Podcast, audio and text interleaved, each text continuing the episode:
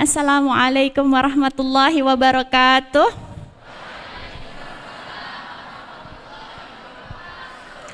Masya Allah. Alhamdulillahirabbil alamin. Alhamdulillahillazi bi ni'matihi tatimmu salihat.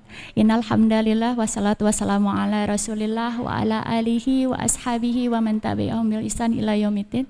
Asyhadu alla ilaha illallah wa asyhadu anna Muhammadan abduhu wa rasuluh. Allahumma shalli wa sallim wa barik ala Muhammad wa ala ali nabiyina Muhammad.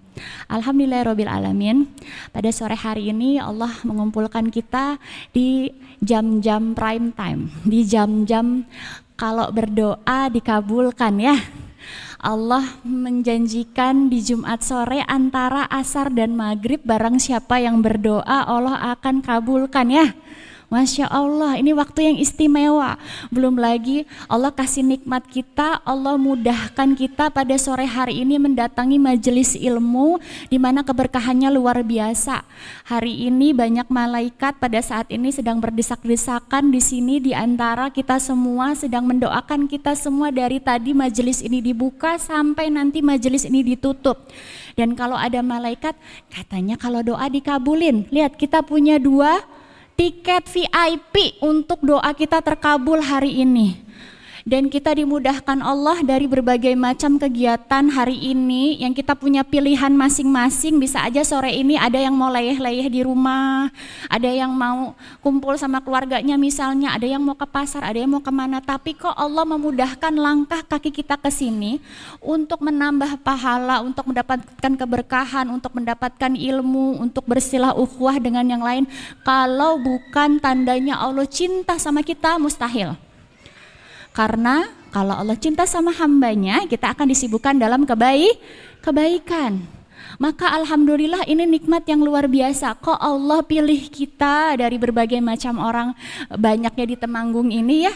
Kok kita yang dimudahkan Allah datang ke majelis ilmu, kok kita yang dimudahkan sama Allah untuk menggugurkan dosa ketika datang ke sini dan limpahan pahala sampai didoakan malaikat. Belum lagi kok dimudahkan ini di jam-jam Allah mengabulkan doa. Kalau bukan tanda Allah cinta, mus mustahil. Jadi alhamdulillah dengan segala kemudahan yang Allah berikan kepada kita. Nikmat sehat dan nikmat waktu luang yang Allah mudahkan kepada kita sore hari ini kita bisa insya Allah mendapatkan keberkahan dan mudah-mudahan tanda Allah ridho memasukkan kita ke dalam sur surga. Amin ya robbal alamin. Salawat serta salam kita sampaikan kepada Nabi kita Muhammad Sallallahu alaihi wasallam. Hari Jumat sunnahnya banyak sholawat ya. Jadi Masya Allah kita itu beruntung banget jadi umatnya Nabi Muhammad Sallallahu alaihi wasallam.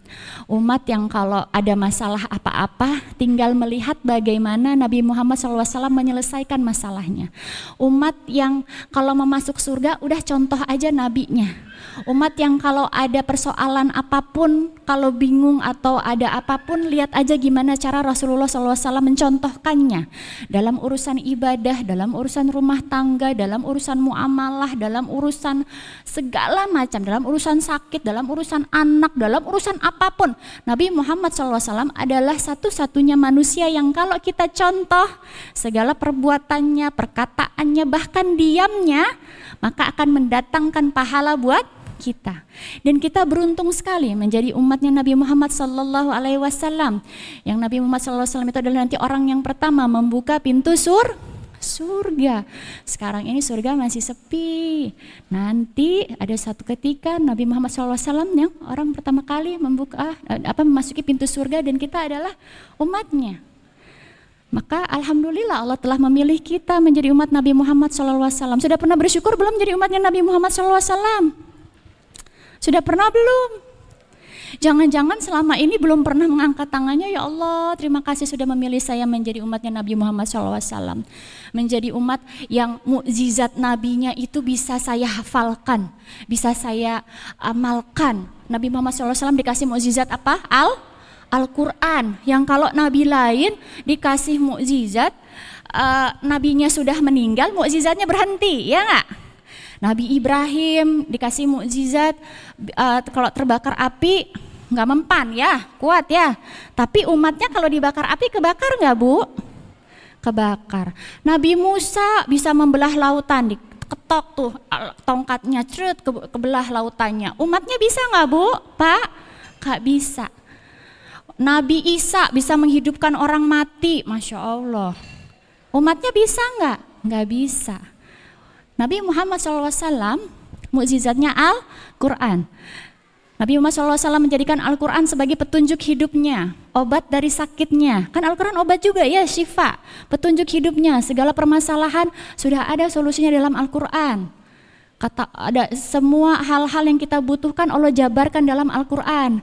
Cuma kebanyakan kita tuh nggak sadar kita oh, jangan kita ada orang-orang yang melalaikan mukjizat Nabi Muhammad SAW untuk digunakan setiap harinya dalam kehidupannya. Lupa bahwa Al-Qur'an itu sebagai penenang hati kalau lagi marah, lagi sedih, lagi galau, lagi bingung. Al-Qur'an memberikan solusi, kata Allah jangan takut, jangan bingung. Semuanya ada. Tentang masa lalu, masa sekarang, masa depan, semuanya ada dalam Al-Quran. Makanya saya mau nanya dan saya senang banget nanya ini dan sampai sekarang saya masih survei tentang hal ini. Siapa di sini yang sudah pernah baca Al-Quran? Artinya, artinya ya, kalau hatam mungkin ada yang pernah hatam berkali-kali, apalagi di sini, masya Allah, uh, satu hari lima juz ininya tilawahnya ya baca Al-Quran, hatam, tapi artinya dari Al-Fatihah sampai Anas sudah baca selesai artinya ada. Angkat tangan boleh. Satu, dua, oh Masya Allah, Alhamdulillah. Ada. Yang lain saya husnuzon pinter bahasa Arab pasti ya. Jadi kalau baca Quran udah tahu artinya apa ya? Ya, Ya enggak. Saya dulu gitu juga. Baca Quran baca aja. Masya Allah pahalanya kan besar banget ya. Satu huruf sepuluh. Belum lagi mendap, mendap, menjadi syafaat buat kita di kubur gitu. Cuma bagaimana mungkin Al-Quran itu menjadi petunjuk buat kita kalau kita nggak tahu apa yang kita baca? Ya nggak Bagaimana kita tahu bahwa Allah menyemangati kita ketika dapat masalah, tenang, aku tidak akan menguji melebihi bebanmu. Kalau kita nggak baca Al-Baqarah ayat terakhir kita nggak tahu artinya apa. Kalau kata Allah tenang, uh, minta aja petunjuk kepadaku. Allah memberikan banyak petunjuk di situ. Kalau lagi kalau lagi uh, saya nggak punya punya punya anak nih, ada Allah ngasih tahu baca istighfar ada di Al-Quran. Saya lagi nggak punya uang nih, Allah ngasih tahu disuruh sedekah di Quran juga ada. Saya lagi sakit-sakitan nih, Allah juga ngasih tahu ada kisah Nabi Ayub di situ yang sakit-sakitan terus sembuh, ya kan? Karena Al-Quran itu kan sepertiganya sejarah. Ada yang suka lupa hidup ini adalah sejarah yang berulang, ya nggak? Hidup ini sejarah yang berulang dan ini lagi-lagi makanya tadi saya tanya, sudah pernah belum bersyukur ya Allah, makasih ya Allah sudah memilih saya jadi umatnya Nabi Muhammad SAW. Karena semua kejadian masalah-masalah persoalan ujian itu sudah terjadi di masa lalu, sudah semuanya sudah kejadian gitu. Dan kita cuma lihat bagaimana Allah ngasih tahu kita bagaimana Nabi Muhammad SAW mencontohkan kepada kita solusinya. Dari Nabi Adam sampai Nabi Muhammad semua permasalahan dunia itu ya udah kejadian gitu. Masalah kita sekarang itu dulu udah ada. Mau masalah apa? Diuji dengan uh, kemiskinan, ada. Nabi yang diuji uh, sakit, ada. Nabi yang diuji dengan kekayaan juga ada ya mau apa lagi? Nabi yang diuji nggak punya punya anak, terus akhirnya punya anak, eh sudah gitu anaknya suruh disembelih ada, ya kan? Ujiannya anak. Ada yang diuji sama istrinya, ada Nabi Nuh, ya kan? Ada yang diuji sama uh, anaknya, ada juga. Jadi semuanya lengkap. Belum lagi tentang kehidupan Nabi Muhammad SAW bersama para istri-istrinya dan para sahabat-sahabatnya. Apalagi perempuannya harus baca tuh tentang istri-istri Nabi Muhammad SAW. Karena hidup itu sejarah yang berulang. Dan di Al-Quran itu ada semua kalau kita baca dengan benar bahwa bagaimana mungkin Al-Quran itu menjadi hudalil mutakin, petunjuk bagi orang yang bertakwa. Kalau kita nggak tahu apa yang kita baca, tapi kan saya dapat pahala bagus, dapat pahala alhamdulillah. Tapi kalau mau dapat ketenangan, petunjuk, hidayah, rasa aman, rasa tenang, nggak takut menghadapi ujian hidup, nggak takut ketika diuji sakit, nggak takut ketika diuji sihir, misalnya nggak takut ketika ekonomi lagi susah, baca Qurannya. Maka saya senang banget di sini berada di rumah-rumah penjaga Quran Quran yang saya selalu menganggap anak-anak menghafal Quran itu adalah anak-anak yang dipilih sama Allah untuk menjaga firman Allah berkah sekali ya mereka menghafalkan perkataan Tuhan kita, menghafalkan perkataan Rob kita yang menciptakan kita, bukan sembarang orang. Makanya memang kita pun harus memotivasi diri kita untuk kalau bisa ngapal Quran memang gitu. Itu kan suatu hal yang istimewa.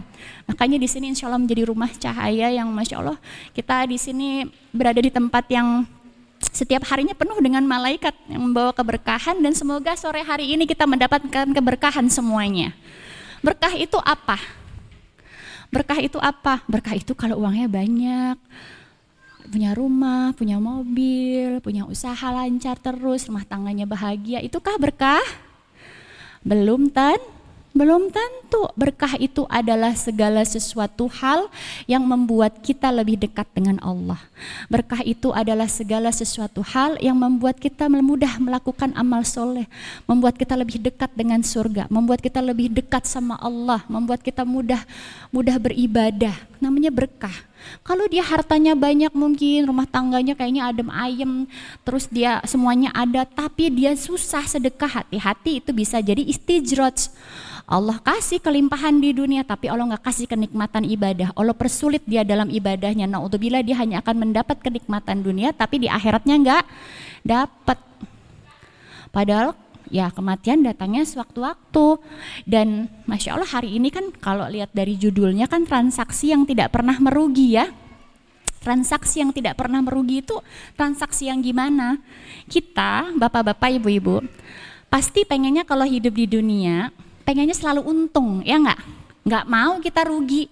Kalau mau jual beli, investasi atau kita mau uh, apa melakukan transaksi perdagangan, apa kita selalunya pengen untung, ya nggak? Dan kalau ada orang yang dia itu terkenal amanah, kaya raya, baik banget, terus jujur, terus dia uh, apa namanya orang yang sangat dihormati, punya punya kedudukan yang dimuliakan. Pokoknya orangnya baik banget dan kalau siapa pun yang transaksi jual beli sama dia, siapa pun yang investasi sama dia, siapa pun yang mengadakan jual beli sama dia, selalu dapat untung yang besar dan orang ini terkenal nggak pernah mengalami kerugian. Bahkan usahanya selalu sukses sampai ada di mana-mana dan melimpah-melimpah siapa pun orang-orang berbondong-bondong untuk melakukan transaksi jual beli sama ini orang, kita pengen nggak transaksi sama dia? Pengen ya. Wah saya juga pengen nih saya kalau punya uang mah saya pengennya invest ke sana saya pengennya jual beli sama dia nih gitu. Karena dia pasti akan memberikan keuntungan yang besar buat saya. Itu itu aja kalau hitungan dunia. Kita pengennya untung ya. Nah ini Allah menawarkan kepada kita transaksi yang tidak pernah merugi. Apa itu transaksi sama Allah? Emangnya Allah punya apa? Allah punya semuanya. Dan yang paling utama Allah punya surga kadang-kadang kita suka lupa bahwa kita ini setiap hari sedang berniaga sama Allah, mengadakan jual beli sama Allah. Bahkan Allah sudah bilang Allah itu membeli harta dan jiwa kita. Tadi saya baca di surat At-Taubah ayat 111, Masya Allah, Allah bilang sama kita, saya selalu bilang, bahkan ke anak-anak saya, hari ini Allah ngomong apa, Allah ngomong apa. Jadi membahasakan Al-Quran itu uh, perkataannya Allah. Jadi Allah bilang apa? Allah bilang sama kita dalam Al-Quran, sesungguhnya Allah telah membeli dari orang mukmin diri dan harta mereka dengan memberikan surga sebagai balasan untuk mereka. Jadi, masya Allah, Allah tuh beli beli harta dan jiwa kita. Allah bayar, Allah beli. Kita punya apa emangnya? Kita punya amal pahala yang kita tawarkan kepada Allah. Ya Allah, terima sholat saya, terima sedekah saya, terima puasa saya, terima amal soleh saya. Saya menuntut ilmu di jalanmu ya Allah. Saya berjaya di jalanmu dengan harta dan jiwa saya. Kita melakukan amal-amal soleh yang nanti Allah beli dan Allah gantikan dengan surga. Kalau Allah gantikan dengan surga di akhirat, maka dengan sendirinya kita akan mendapatkan surga di dunia. Surga di dunia bukan sekedar berlimpahnya harta kita sesuai dijanjikannya kalau orang bersedekah dia akan dilipat gandakan sampai berapa 700 kali lipat ya Bukan sekedar itu, ada surga dunia yang masya Allah. Menurut Imam Tuqawim, um, surga dunia itu adalah kenikmatan dalam beribadah. Siapa di sini yang kalau sholat suka lupa rakaat? tunjuk tangan. Wah khusuk semua, Masya Allah, luar biasa. Jadi kalau sholat nggak pernah lupain. Saya aja sering-sering lupa rakaat. Nanti lagi sholat kayak udah ngambang, kepikirannya ke mana-mana. Lidahnya tuh baca bacaan Quran, tapi uh kepikirannya ke mana? Ini kayaknya kunci tadi di situ. Iya ini kan punya utang, masih belum saya tagih. Ini kayaknya diingat, yang lupa-lupa jadi ingat saya sholat pernah. Jadi nggak bisa menikmati ibadah ibadah sholat kita puasa sih puasa tapi mikirin makanan mikirin apa. Jadi nggak puasanya terkotori dengan gibah misalnya apa. Nggak bisa menikmati zikir kita. Iya saya mah istighfar. Hari ini saya sholawat seribu kali. Uh masya allah gimana soalnya lepas selamat selamat ih cepet banget. Nggak bisa menikmati zikirnya. Ketika mengucapkan astagfirullah astagfirullah astagfirullah itu ya hambar aja. Astagfirullah astagfirullah astagfirullah astagfirullah udah banyak. Dah pokoknya saya hari ini udah 100 udah kelar. Nggak bisa menikmati ibadahnya. Padahal surga dunia itu adalah ketika kita bisa menikmati ibadah, ketika kita bisa merasakan kedekatan kepada Allah. Lebih dari itu, kalau Allah ingin kita memasukkan diri kita ke dalam surga, maka Allah akan menjadikan kita mendapatkan surga dunia itu tadi. Salahnya kita kadang-kadang menjadikan surga dunia itu adalah hal-hal yang bisa dirasak, bisa dilihat oleh mata dan ada fisiknya ya nggak? Wah surga dunia tempat yang bagus. Kita pasti bilang ini surga dunia ya tempatnya bagus ya nggak lagi liburan ke mana misalnya. Surga dunia habis dikasih kendaraan bagus tapi ini surga dunia banget naik kendaraan yang uh, dikasih sama Allah mungkin. Jadi kayak ini surga dunia padahal lebih dari itu. Dan Allah tuh punya barang dagangan. Dan barang dagangan Allah itu mahal kata Rasulullah SAW di hadis Tirbizi barang dagangan Allah itu sur surga saya paling seneng ngomong surga. Kalau Allah dia bilang barang dagangan Allah, berarti barang dagangan, berarti kan kita harus membeli itu ya. Pakai apa? Ya pakai amal soleh kita. Dengan sholat kita, sedekah kita, puasa kita, zikir kita, semua perjuangan kita di jalan Allah, ya kita belinya pakai itu. Allah Allah dengan sangat dengan sangat pemurahnya, dengan sangat pengasihnya, dengan maha kayanya, dengan maha memberi rezekinya, akan membayar semua jerih payah kita yang kita lakukan di jalan Allah. Dengan harta dan jiwa kita, kan tadi Allah beli kita dengan harta dan jiwa kita ya. Harta dan jiwa, harta jelas kita keluarkan di jalan Allah, kita sedekah, kita infak, kita zakat ya kan.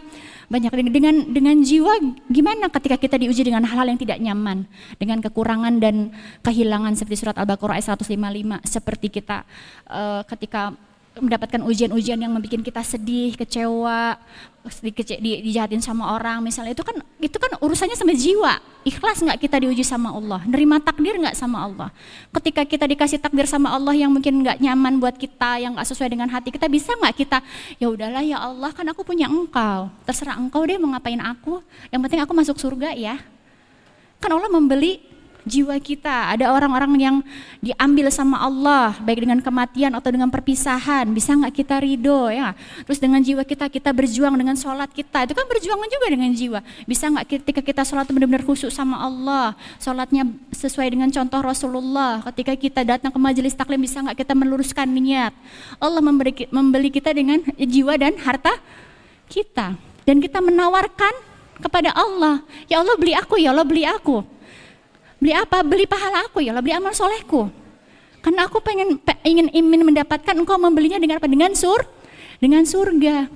Dan lebih dari itu, ketika kita ber, melakukan transaksi kepada Allah dengan Allah, baik itu dengan uh, sholat kita, puasa kita, mendatangi majelis ilmu, dengan zikir, dengan sedekah, itu kontan Allah ganti kontan Allah kasih. Allah tuh tidak akan pernah menyanyiakan segala kebaikan yang kita lakukan di jalan Allah. Segala jerih payah kita, kelelah-lelahan kita, pasti Allah ganti. Sekarang bapak-bapak, ibu-ibu sadar nggak kalau di dunia ini capek banget. Dibikin capek sama Allah suruh ibadah. Sadar nggak? Kan dan suka ada yang ngeluh, saya ini udah capek. Diuji terus kok nggak kelar-kelar ujian saya? Capek. Emang kita ini dibikin capek sama Allah biar kita nggak betah di dunia.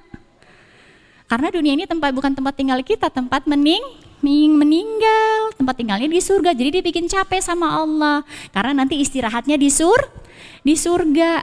Sekarang sadar nggak dibikin capek sama Allah? Bangun ti ini bangun tidur pagi subuh subuh masih ngantuk disuruh bangun nama Allah, bangun sholat subuh kata Allah. Ya Allah masih ngantuk bangun sholat subuh, iya dia bangun ya Allah dah. Bangun baru sebentar mandi sarapan, mau mau pahala nggak kata Allah. Mau aku lancarin rezekinya nggak? Mau mau mau mau dapat kebaikan lagi nggak dari aku? Sholat duha. Ya ya Allah baru juga tadi kelar sholat subuh. Mau nggak? Ya mau ya Allah sholat duha. Baru kelar sholat duha. Laya-laya sebentar. Yang ibu-ibu masa kali terus bapak kerja. Udah azan zuhur. Sholat lagi ya Allah mau sholat nggak? Sholat nggak? Kata Allah wajib nih. Ya Allah tadi kan udah duha. Sholat kata Allah duhur mau nggak? Ya sholat lagi. Ya nggak? Ngerasa nggak bu? Ya kan pak? Baru kelar sholat duhur makan siang baru kerja lagi atau laya-layan mungkin ibu-ibu ngurusin anaknya apa sebentar azan asar. Suruh sholat lagi ya kan? Ya Allah tadi kan udah duhur. Sholat lagi nih capek. Ya Allah saya kan habis kerja. Mau nggak? Iya mau mau ya Allah disuruh capek lagi sholat asar. Habis sholat asar baru kelar sebentar mandi-mandi sampai rumah ganti baju nggak belum eh udah azan maghrib ya nggak? Sholat lagi ya Allah sholat mau nggak? Iya Allah iya udah sholat saya capek saya sholat. Baru bentar azan isa suruh sholat lagi tidur tidur sepertiga malam eh mau aku kabulin nggak doa-doa kamu? Nih minta aku sepertiga malam turun di langit-langit dunia mau nggak? Uh, aku kabulin doanya, aku berikan ke, keutamaan untuk orang-orang yang sholat tahajud, mau nggak? Ngantuk ya Allah sepertiga malam, tadi kan saya capek seharian kerja, udah ngelakuin berbagai macam ibadah, mau nggak? Kata Allah, mau. Sadar nggak kita dibikin capek sama Allah? Disuruh berjuang dan Allah tuh akan membayar semua lelah kita kontan. Segala jerih payah kita baik itu tenaga maupun harta yang kita keluarkan di jalan Allah sekarang bayangin ya perniagaan transaksi tidak pernah merugi kita kita ketika kita uh, infak dan sedekah di jalan Allah. Dulu saya mikir gini, apaan sih? Saya yang kerja, saya yang cari duit, saya yang ngumpulin banyak. Udah banyak sih suruh ngasih ke orang, ya nggak? Ini kan duit saya. Kok saya kasihin ke orang? Kan kalau sedekah pikirnya gitu kan?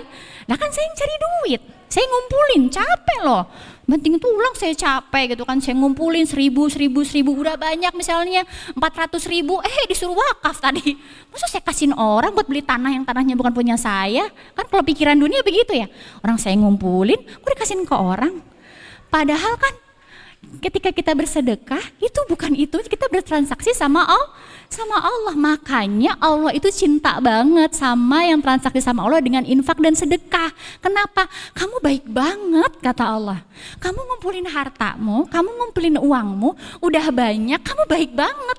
Nggak buat kamu buat kamu kasihin lagi ke orang lain. Itu kan luar biasa Makanya Allah janjikan yang luar biasa untuk orang-orang yang bertransaksi jual beli sama Allah dengan hartanya. Pertama Allah kalau dia sakit Allah sembuhkan. Allah jaga dari berbagai macam bahaya. Saya kasih contoh ya. Dan, dan ketika kita bersedekah bertransaksi sama Allah itu Allah Allah akan memanjangkan umur kita. Saya kasih contoh saya sendiri. Saya lagi diuji sihir. Sihirnya sihir kematian. Sihir mahfuh jadi yang puh kita bisa langsung meninggal. Dan setiap hari saya sedang berjuang dengan dengan itu dan saya yakin Allah selalu menolong namanya hidup mati di tangan Allah ya. Dan kalau bukan karena kuasa Allah dan nyawa di tangan Allah dan mungkin bisa jadi berkah sedekah, itu gak mungkin saya sekarang menghidup. Karena udah parah banget saya kalau udah yang bekas tusukan, bekas cakaran, bekas luka-luka di tubuh ini udah biasa dan udah berapa kali denyut nadi hilang. Dan kalau orang disihir itu kan harus ketemu buhulnya ya. Buhul itu kan ikat, apa sih kayak pengantar sihirnya gitu yang harus ketemu dan itu harus dimusnahkan. Setiap saya mendapatkan petunjuk dari Allah, ya Allah tunjukkan saya buhulnya. Ketika saya tidak bertransaksi dengan Allah dengan sedekah dulu, susah banget dapetin buhulnya. Alhamdulillah ini udah tiga kali ketemu buhul. Dan saya yakin insya Allah kesembuhan saya bebas dari sihir sebentar lagi, sedikit lagi. Saya yakin tidak ada ujian yang tidak selesai. Jadi banyak yang nanya, Teh Indah gimana sih caranya kok bisa dapat buhulnya? Saya lagi diuji juga nih, sihir saya saya disantet nggak kelar-kelar juga nih. Kok Teh ini bisa ketemu buhul-buhulnya? Apa yang dilakukan? saya saya nggak melakukan apa-apa saya sama melakukan berjuang dengan amal soleh dan emang sebelum saya mencari buhulnya saya bertransaksi dulu sama Allah saya saya bis saya nyari saya sengaja saya senang banget tuh keliling naik motor bawa kantong isi sembako. Nggak banyak cuma saya niatin sebelum saya nyari buhul saya harus nolong orang dulu. Dan suatu hari terakhir kemarin saya nggak nemu orang susah dan saya sedih banget. Biasanya di jalan saya nemu orang susah tuh di kampung-kampung apa ada orang pemulung apa atau pedagang-pedagang pikul apa itu nggak ada. Tapi yang saya temukan siapa? Bapak-bapak ibu-ibu? Kucing di pinggir jalan. Terus emang emang saya juga seneng banget buat sedekah makanan ke kucing. Jadi ke mana pun pergi itu selalu ada makanan kucing saya bawa. Kalau ada kucing liar selalu saya kasih makan. Dan itu saya nggak nemu orang. Dan saya percaya ya Allah saya ini mau menari buhul dan saya harus melakukan sesuatu. Saya mau sedekah ya Allah gitu. Biar nanti mudah-mudahan dengan itu Allah akan memudahkan pencarian buhul saya. Karena sebelumnya saya melakukan itu dan berhasil nggak nemu orang susah. Sampai saya ya Allah apakah ini yang namanya saya membaca hadis? Nanti akan kau temukan. Kau tidak menemukan lagi orang-orang yang bisa kau kasih sedekah. Maka kalau ada peluang sedekah bersedekahlah karena nanti akan ada zaman di mana kau mau sedekah udah nggak ada lagi yang nerima. Itu saya sempat sedih ya Allah kami bilang sama, sama si uh, yang teman si Sami Mi kok nggak ada orang ya? Maksudnya nggak ada yang bisa kita kasih nih. Ada kucing. Ada kucing di pinggir jalan ngesot gitu. Terus saya kasih makan kok dia nggak mau? Ternyata dia berdarah dan ternyata kakinya pincang. Itu saya udah paniknya kayak lihat orang kecelakaan gitu. Dan saya langsung telepon orang rumah bawain pet kargo ini pokoknya. Saya sibuk untuk bawa pokoknya nih kucing harus segera kita bawa ke dokter gitu. Sampai ada bapak-bapak akhirnya nyamperin ibu ngapain? Ini ada kucing kasihan gitu mas saya ini. Bu mau mau mau diapain emang? Saya mau bawa ke dokter. Hah, terus dia ngetawain gitu kayak nyepelein kita bawa ke dokter? Ini kan kayak ini kan kucing kucingnya emang kucing buduk kucing buduk yang itu banget. Dan uh, ya Allah kucing kalau orang nggak mau lah. Ya ya. Saya diketawain sama bapak itu. Tapi saya kenapa saya kenapa saya mau nolongin itu kucing? Saya ingat hadis yang seorang pelacur. Ya yang dia masuk ke dalam sumur ngelihat anjing kehausan lalu Allah mengampuni dosa-dosanya karena saya percaya setiap musibah yang terjadi itu kata Allah di surat Asyura ayat 30 adalah akibat ulah tangan kita sendiri. Adalah akibat dosa-dosa kita. Dan sedekah menggugurkan dosa, menjauhkan dari bencana, memanjangkan umur. Dan saya percaya banget itu. Qadarullah Allah uji nggak nemu manusia. Selama ini ketemu terus. Alhamdulillah main blusuk-blusuk aja ketemu aja orang yang susah apa, nggak bisa bayar kontrakan, ada aja pokoknya ketemu orang. Kadang-kadang orang, orang lagi kelihatan mukanya susah, saya samperin. Ada yang bisa saya bantu nggak gitu. Saking pengen itu hari itu nggak ada kucing yang ada. Saya bisa diketawain sama bapak-bapak dan saya agak kesel, bapak kok ngetawain saya sih, saya mau bawa, dan emang saya bawa ke dokter kucing itu.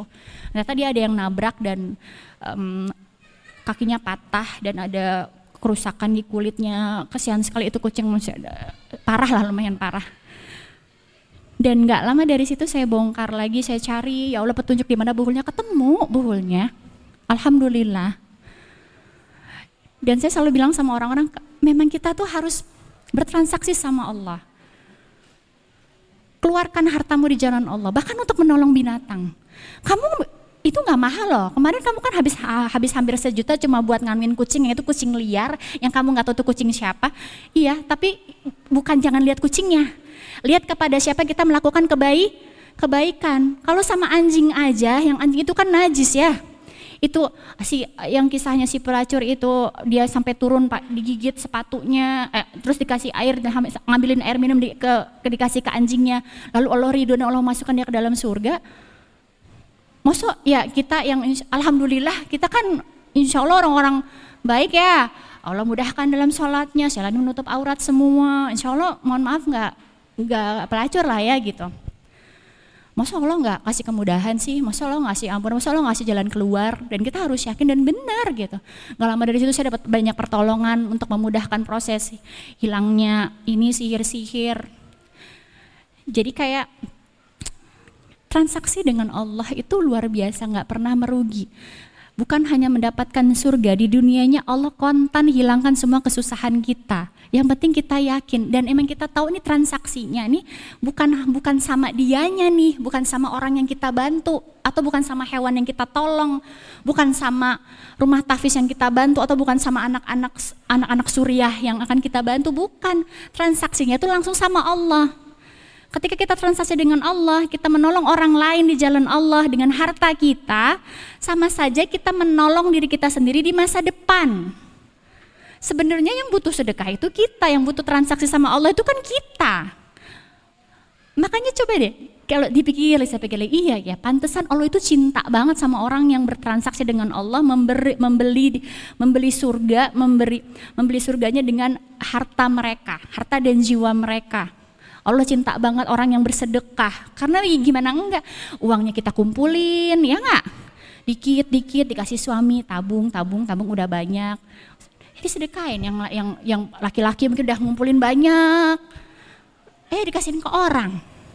Kan kalau dipikir sama jiwa kemanusiaan kita yang hawa nafsunya tinggi misalnya yang kikir yang apa ih apaan sih orang saya udah ngumpulin terus ada rasa takut kurang. Ih orang anak saya aja susah terus saya mau nolongin anak-anak yang di Syam. Kan ada yang begitunya ya? Padahal dengan kita menolong anak-anak di Syam Allah akan menolong anak kita dengan kita menyelamatkan bayi-bayi di Suriah yang mati kedinginan Allah akan menyelamatkan anak-anak kita karena sejatinya ketika kita bertransaksi kepada Allah sama saja kita sedang memperbaiki hidup kita di dunia dan terutama di akhirat. Meskipun kita kalau bisa jangan minta balasan transaksi yang kita lakukan kepada dengan Allah itu di dunia, kenapa rugi? Nanti dibayar di dunia semua, di akhirat kita dapat apa, ya kan? Makanya jangan nunggu-nunggu, walaupun ya, ya tuh pasti janji Allah itu pasti. Cuma jangan terlalu ngarepin juga di dunia. Nanti di surga dapat apa? Sedangkan dunia ini diciptakan untuk dihancurkan. Makanya sekali-sekali saya senang banget ngajakin ini jalan-jalan ke surga. Jalan-jalan ke surga dengan apa ya baca di Quran tentang dalil-dalil surga. Di surga nanti kita bisa berkumpul juga dengan saudara-saudara kita. Di surga kita sebaya, nggak ada yang tua muda semuanya kita sebaya. Kita kaya raya. Gimana nggak kaya raya? Batu batanya ini dari emas dan perak, kerikilnya dari berlian, pelayannya aja paling sedikit 100. Kebayang nggak tuh gedenya rumah kita, ya kan? Surga. Terus kalau mau apa-apa langsung ada. Kalau di dunia ini kan penuh dengan tunggu, mau apa pakai proses. Di surga mau minum ceretnya datang, langsung ada. Surga. Dan itu yang harus kita perjuangkan. Dan kalau kita mengejar surga, dunianya kita cukupin sama Allah. Kalau kita ngejar surga, rezekinya pasti Allah lancarkan. Tapi kalau kita ngejar rezeki di dunia, belum tentu pahala kita dapat. Karena rezeki sudah dijamin, pahala belum dija, dijamin. Tapi kalau kita kejar pahalanya, insya Allah rezekinya malah makin lan, lancar. Masya Allah transaksi yang tidak pernah merugi ya hanya dengan Allah. Kalau dengan manusia ada kemungkinan rugi ada kemungkinan ruginya. Dan ini yang harus kita perjuangkan. Rela nggak memberikan yang kita cintai untuk di jalan Allah. Rela, tapi kan saya lagi susah. Ini lagi pandemi, lagi corona begini susah. Ekonomi saya lagi susah. Saya nggak punya uang. Jangan kan nolongin orang lain, jangan kan nolongin anak lain. Anak saya aja susah. Itu kan kata kamu. Justru itu yang Allah cintai ketika kita bertransaksi kepada Allah, melakukan jual beli dengan Allah dengan uh, dengan infak sedekah kita untuk menolong orang lain yang sedang kesusahan, maka Allah akan akan hilangkan kesusahan kita, kita hilangkan beban orang lain, Allah akan hilangkan beban kita ketika kita menolong orang lain yang jadi di Suriah itu setiap tahun kalau musim dingin banyak banget ribuan bayi mati. Dan ketika kita menyelamatkan nyawa orang lain, selalu Allah akan selamatkan nyawa kita. Dan itu saya buktikan sekali. Kalau mungkin kalau karena bukan berkahnya sedekah, saya udah mati sekarang. Makanya sampai saya berjuang untuk berangkat lagi ke Suriah. Karena saya percaya dengan itu Allah pasti akan menyelamatkan saya.